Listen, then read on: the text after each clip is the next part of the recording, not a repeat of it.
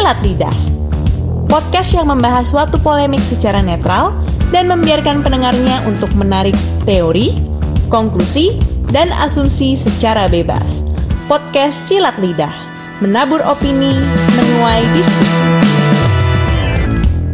Selamat datang di Silat Lidah bersama gue Ivan Podiman. Topik hari ini merupakan pertama kalinya gue akan ada interview jadi kalau selama ini gue monolog mulu alias gue ngomong sendiri, topik hari ini, which is di episode selanjutnya, gue akan menayangkan interview. Oke, topik hari ini tuh tentang apa sih? Topik hari ini berjudul Yakin Lu Butuh Agama. Nah, lo. Nah, interviewnya tentang apa? Begini. Jadi di selanjut-selanjutnya itu gue akan menayangkan interview gua dengan dua kaum. Yaitu yang pertama adalah kaum religius atau kaum agamis alias kaum yang mau mempunyai agama sebagai standar hidup mereka atau sebagai dasar hidup mereka. Dan satu lagi adalah kaum yang agnostik atau kaum yang tidak terlalu menganggap agama sebagai hal yang mereka perlu ada dalam hidup mereka. Jadi dengan ini gue berharap bahwa istilahnya teman-teman pesilat bisa melihat bagaimana pandangan generasi milenial terhadap the importance of having religions. Oke, okay? so mari kita mulai. Kalau teman-teman pesilat hobi ngikutin sejarah atau kalian tahu bukunya Sap, judulnya Sapiens, penulisnya Yuval Noah Harari. By the way, itu buku bagus banget serius, lu mesti baca. Bahkan kalian juga atau mungkin kalian bisa baca di kitab suci kalian kalian akan banyak temukan kisah-kisah pemujaan. Oke, dari memuja matahari, pohon besar, patung-patung, petir, baik fenomena alam, benda mati, batu besar, atau bahkan lembu emas. Nah, kenapa gue bilang kata lembu emas gini? Lu pasti apakah familiar dengan suatu tokoh dalam dunia keagamaan yang bernama Musa? Nah itu ada ceritanya di mana si Musa ini lagi naik gunung katanya ketemu Tuhan gitu. Nah terus Bani Israel nih bingungan ngamuk-ngamuk gitu intinya karena mereka merasa mereka takut banget gitu loh. Mereka tidak punya pegangan. Lalu mereka marah-marah sama ceritanya itu kakaknya Musa namanya Harun atau Aaron. Oke. Nah, mereka ngamuk-ngamuk, mereka bilang tolong kasih kita sesuatu buat disembah. Nah si Harun ini ketakutan, ketakutan digebukin satu bangsa gitu akhirnya. Nah akhirnya dia bilang, udahlah sini sini sini kumpulin emas emas lu pada, kasih ke gua, gua akan lebur, gua akan bentuk sesuatu buat lu. Dan akhirnya dibentuklah lembu emas dan disembah, oke? Okay? Nah yang gua lucu tuh begini, yang gua lucu dari cerita ini, oke? Okay?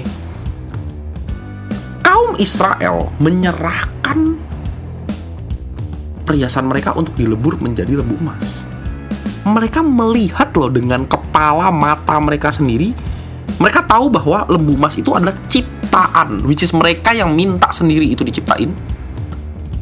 Bahan penciptaannya mereka yang sumbang sendiri yaitu emasnya mereka sendiri. Oke? Okay? dikasih dari tangan mereka sendiri. Jadi mereka tahu pasti exactly bahwa lembu emas ini adalah ciptaan manusia. Oke? Okay? which is mereka yang minta untuk ini diciptain tapi mereka tetap menyembah loh. Barang man-made ini. Jadi yang menjadi pertanyaan gue tuh begini. Sebegitu pentingnyakah sesuatu buat disembah? Sampai-sampai kalau udah mentok mereka ciptain sendiri sesuatu untuk disembah. As if we can create God.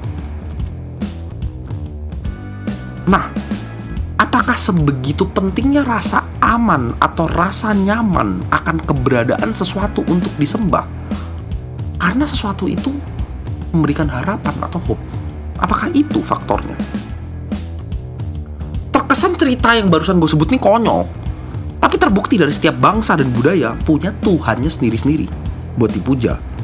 Dan biasanya pasti ada ceritanya nih. Ada cerita heroik di mana sang Tuhan melawan tokoh jahat, biasanya iblis atau setan, jadi dan biasanya pasti yang yang Tuhannya sih menang pasti biasanya gitu intinya. Jadi apa sih yang sebenarnya cerita-cerita heroism ini nih eh, memberikan kepada umat? Nomor satu pengharapan. Hope. Sepalsu palsunya itu hope. Gue nggak tahu kenapa kok melihat walaupun hope itu palsu lebih baik ada hope daripada nggak ada hope sama sekali. Jadi walau terkesan konyol guys ternyata itu nggak konyol sama sekali. Karena gue sudah menemukan bahwa cara otak kita bekerja cara otak manusia bekerja itu sangat bisa menjelaskan kenapa agama bisa tercipta dan agama bisa bertahan sampai detik ini. Dan jujurnya risetnya beda-beda dan banyak banget.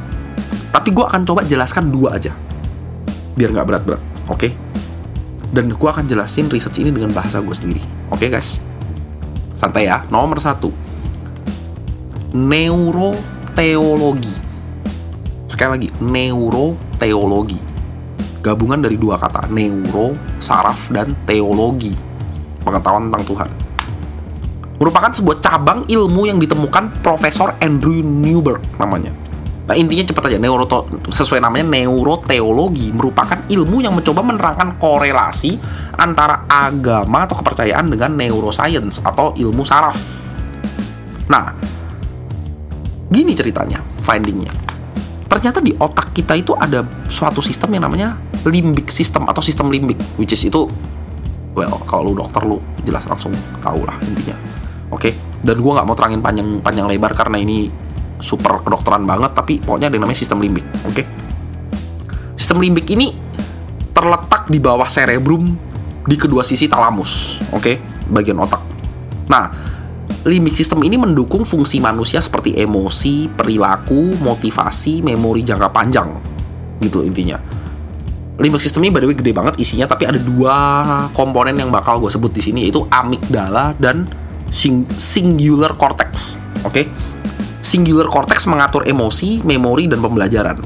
Amigdala mengatur fight or flight response. Intinya amigdala mengatur rasa takut dan rasa khawatir. Oke. Okay? Rasa takut, rasa khawatir, agresi. Nah, si profesor ini meneliti dia panggil beberapa pemeluk agama sekaligus. Ada orang Katolik, seingat gue, sama orang Buddha, sama orang Kristen kalau nggak salah. Atau Islam juga ada, setahu gue inget gue. Nah, dia meminta mereka untuk setiap hari berdoa selama 12 menit. Dan pada saat mereka berdoa, otak mereka di brain scan. Pada saat mereka berdoa, singular cortexnya itu mereka bertambah besar dari segi volume dan amigdalanya responnya menjadi mengecil. Oke, okay? singular cortex mengatur soal emosi, memori, menjadi lebih besar. Artinya orang itu nggak tahu kenapa karena berdoa bisa menjadi lebih empatik, lebih tenang, lebih joyful, lebih terkontrol emosinya. Dan menurun respon amigdala, artinya mereka jadi lebih nggak takut, lebih nggak khawatir, nggak was-was. Sehingga efeknya tekanan darah, glukosa level semua jadi turun. Intinya, ditemukan bahwa kalau lu rajin berdoa, attitude lu secara keseluruhan karena otaknya itu berpengaruh dan mempengaruhi emosi lu, mempengaruhi sistem ketakutan lu dan semuanya hilang, attitude itu jauh lebih baik pada saat lu berdoa. Ntar gue akan elaborate lebih lanjut lagi ya soal ini. Nah yang kedua, riset yang kedua, tadi kan itu neuroteologi, sekarang ada riset yang kedua nih. Namanya Dr. Jeff Anderson dari University of Utah School of Medicine mereka meneliti 19 orang penganut Mormonisme menggunakan MRI juga. Jadi mereka pada ditanya, bisa nggak lu bayangkan perasaan lu saat lu lagi in the spirit? Oke, kalau dalam bahasa keagamaan in the spirit nih alias kalau lu lagi nge-high karena lu lagi mencari Tuhan atau menyembah Tuhan. Lucunya ternyata bagian otak yang bereaksi langsung itu adalah bagian otak yang sama persis reaksinya. Bagian itu bereaksi kalau lagi nge-sex, nge-drugs atau lagi dengerin musik dan lagi enak banget. Jujur gue males nyebutin bagian otaknya karena ini susah banget. Tapi ya coba gue sebutin aja bagiannya adalah bilateral nucleus accumbens, frontal attentional, dan entromedial prefrontal cortical loci lagi-lagi gue bukan dokter. Tapi kalau lo kedokteran please verify omongan gue nah oke okay, cukup sampai di sini aja di berat-berat researchnya guys. Oke okay, oke. Okay. intinya nih gue rangkum aja deh dari hasil riset ini bahwa memang ternyata otak manusia ini tercipta untuk sebuah pengalaman spiritual atau sebuah penyembahan. Jadi kalau gue mikir lagi pakai basis cocok logi nih, jelas aja orang yang beragama katanya hidupnya lebih benar, lebih berhasil, lebih teratur, lebih terarah, lebih terhindar dari masalah-masalah. Yang ujung-ujungnya mereka akan kerja lebih baik, lebih rajin, nggak neko-neko. Ya tentunya pasti akan jauh lebih berhasil. Kenapa? Ya tadi gue bilang, karena kalau mereka rajin berdoa, mereka jadi lebih tenang, mereka emosinya lebih terjaga. Jadinya mereka akan bisa bekerja dengan lebih baik, mereka akan bisa menghadapi hari-hari dengan lebih baik. Ya jelas tentu aja mereka jadi lebih berhasil. Plus, kalau lagi stres, pusing dan mumet, karena diajarin juga di beragama, mereka tidak akan pilih nge-sex, tidak akan pilih nge-drugs, tidak akan pilih dengerin musik. Tapi mereka pilih berdoa. Dan ternyata itu menstimulat bagian otak yang sama untuk meredakan stres itu. Nah, jadi balik lagi ke atas. Kenapa dari dulu manusia mencari Tuhan? Baik pohon, petir. Karena ternyata manusia itu memang butuh untuk menyembah sesuatu dan jelas-jelas saja perilaku ini membuat manusia survive dari abad ke abad. Karena dengan mereka berperilaku baik, mereka ya pasti tentu hidup lebih panjang. Mereka bisa hidup lebih panjang, menghasilkan keturunan, mereka bisa tularkan sifat itu lagi sama eh kamu kalau mau berhasil kamu harus mm, mm, mm ya ya beragama dan tentunya jelas aja karena sifat ini membawa manusia survive dari senturi ke senturi istilahnya obatnya juga survive dari century ke century yaitu apa? Agama. Makanya agama survive dari century ke century. Sehingga betul banget kata Karl Marx yang menyatakan bahwa religion is the opium of people. Tahu sifat opium kan? Dan lebih parahnya lagi, Voltaire seorang filsuf dari abad ke-18, Voltaire, I think is a French guy, pernah bilang, if God did not exist, it will be necessary to invent him. Bahasa Indonesianya, kalau sampai Tuhan itu nggak ada, sangatlah penting untuk kita manusia untuk menemukan atau menciptakan Tuhan. Which is exactly happening dalam kasus lembu emas. Tapi ini menjadi sebuah pertanyaan besar guys buat gue. Jadi agama itu sebenarnya memang bersumber dari sebuah Tuhan yang hidup, yang real, atau agama itu ciptaan manusia. Kenapa gue jadi berpikir gini? Karena gue berpikir gini loh. Lo tau Marvel kan? Marvel menciptakan apa? Superhero, Captain America, Iron Man. Apa yang mereka lakukan? Iron Man dan Captain America ini tokoh fiktif.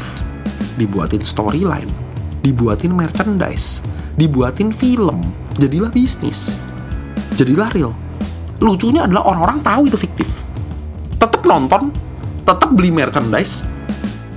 Karena apa? Terhibur. Mereka tahu loh ini exactly ini cuma tipuan alias ini cuma toko fiktif gitu. Tapi tetap aja mereka play along with it. Mereka tetap nonton, mereka tetap uh, membeli merchandise merchandise-nya. Terhibur. Lagi-lagi kita lihat kesamaannya. Agama membuat manusia terhibur. Karena memberikan hope. Menghilangkan stres. Dan lihat narasinya sama lagi, agama memajukan tokoh superhero. Sang Tuhan yang menyelamatkan dunia dan segala isinya dari si jahat, whoever si jahat itu. Kita butuh superhero, butuh penyelamat dalam hidup. Dan agama menciptakan storyline itu, story of hope, story of bad versus evil. Then the superhero wins. Therefore we should worship him atau worship the God because it good for our brains too nggak lagi ditambah belum lagi ada satu keuntungan lain. Komunitas. Sesuatu yang amat umat manusia ini butuhkan. Komunitas kebersamaan keluarga. Kita harus bersama-sama. Satukan hati kita melawan tokoh jahat. Iblis kayak siapa? Kayak musuh kita bersama. Itu menciptakan sense of bonding. A sense of yuk berantem bersama yuk. Kita tumbuh bersama. Kita bangkit bersama.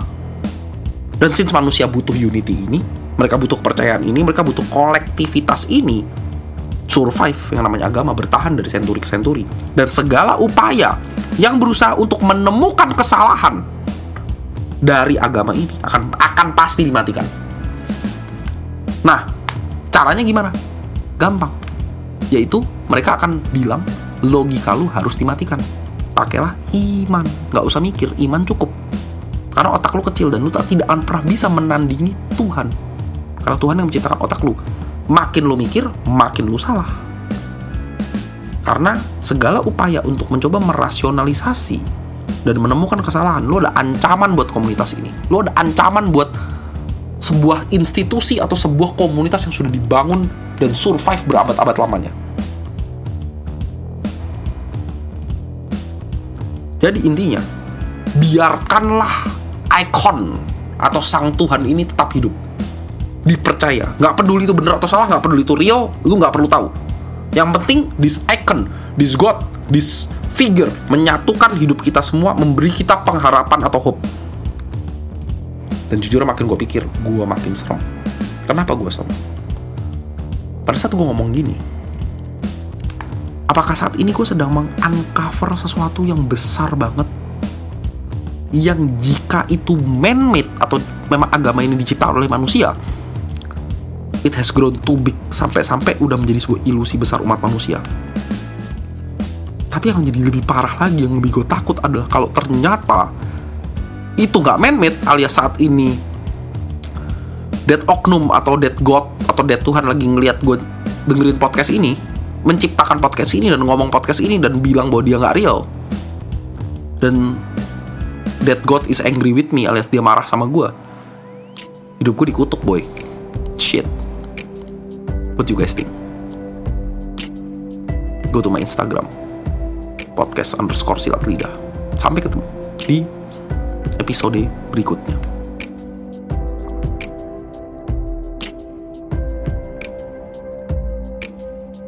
Thank you for listening podcast Silat Lidah. Kalau teman-teman pesilat punya komentar atau opini, langsung komen aja ya di Instagram podcast underscore silat lidah, di mana kita bisa saling berdiskusi dan tentunya bersilat lidah dalam menanggapi fenomena-fenomena kehidupan seperti ini. See you next week di podcast Silat Lidah, menabur opini, menuai diskusi.